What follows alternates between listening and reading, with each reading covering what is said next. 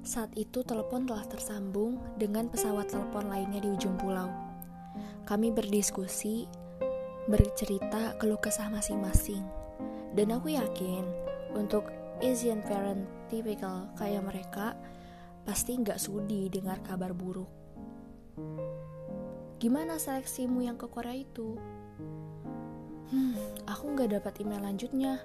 Lagi pula sudah masuk ke tahapan ketiga seleksi dan karena gak ada kabar lanjutnya ya berarti aku gagal. Tapi sejujurnya aku memang menggagalkan diri karena aku tidak sanggup menjawab soal yang menurut otakku itu sangat baru dan sulit. Oke, baik karena kamu sudah gagal dua kali, kamu ingat pergi merantau dari rumah untuk apa? Iya, fokus ke tujuanmu magang sekarang dan jangan sampai gagal lagi jangan setengah-tengah.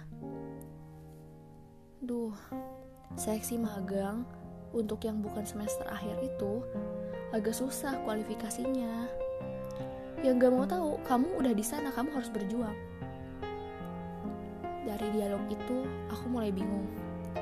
Aku hidup untuk siapa dan mengapa aku dituntut macam-macam dengan ekspektasi tinggi yang seperti mereka mau. Aduh, aku mohon. Jangan berharap lebih dari diriku dan jangan pernah anggap aku serba bisa. Aku cuma mau jadi manusia yang manusia. Aku nggak mau jadi bangsawan. Aku nggak mau jadi elit. Percayalah, jika memang terjadi padaku, kehidupan di puncak kelas itu sulit dan tidak menyenangkan.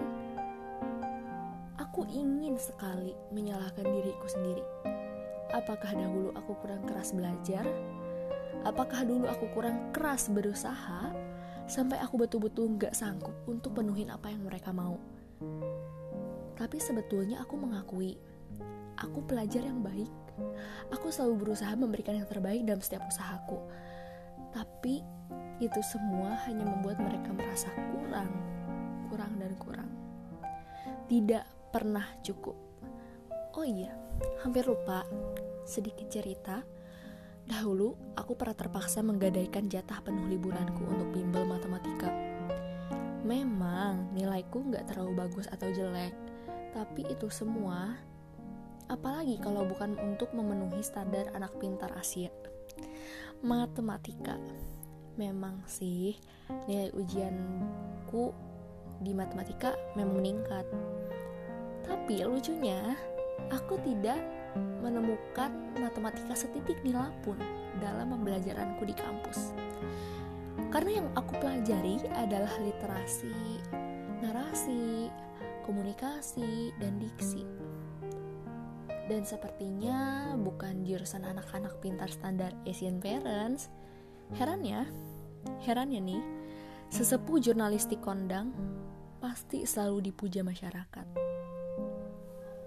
Aku selalu berandai apakah suatu saat standar-standar bodoh ini akan lenyap?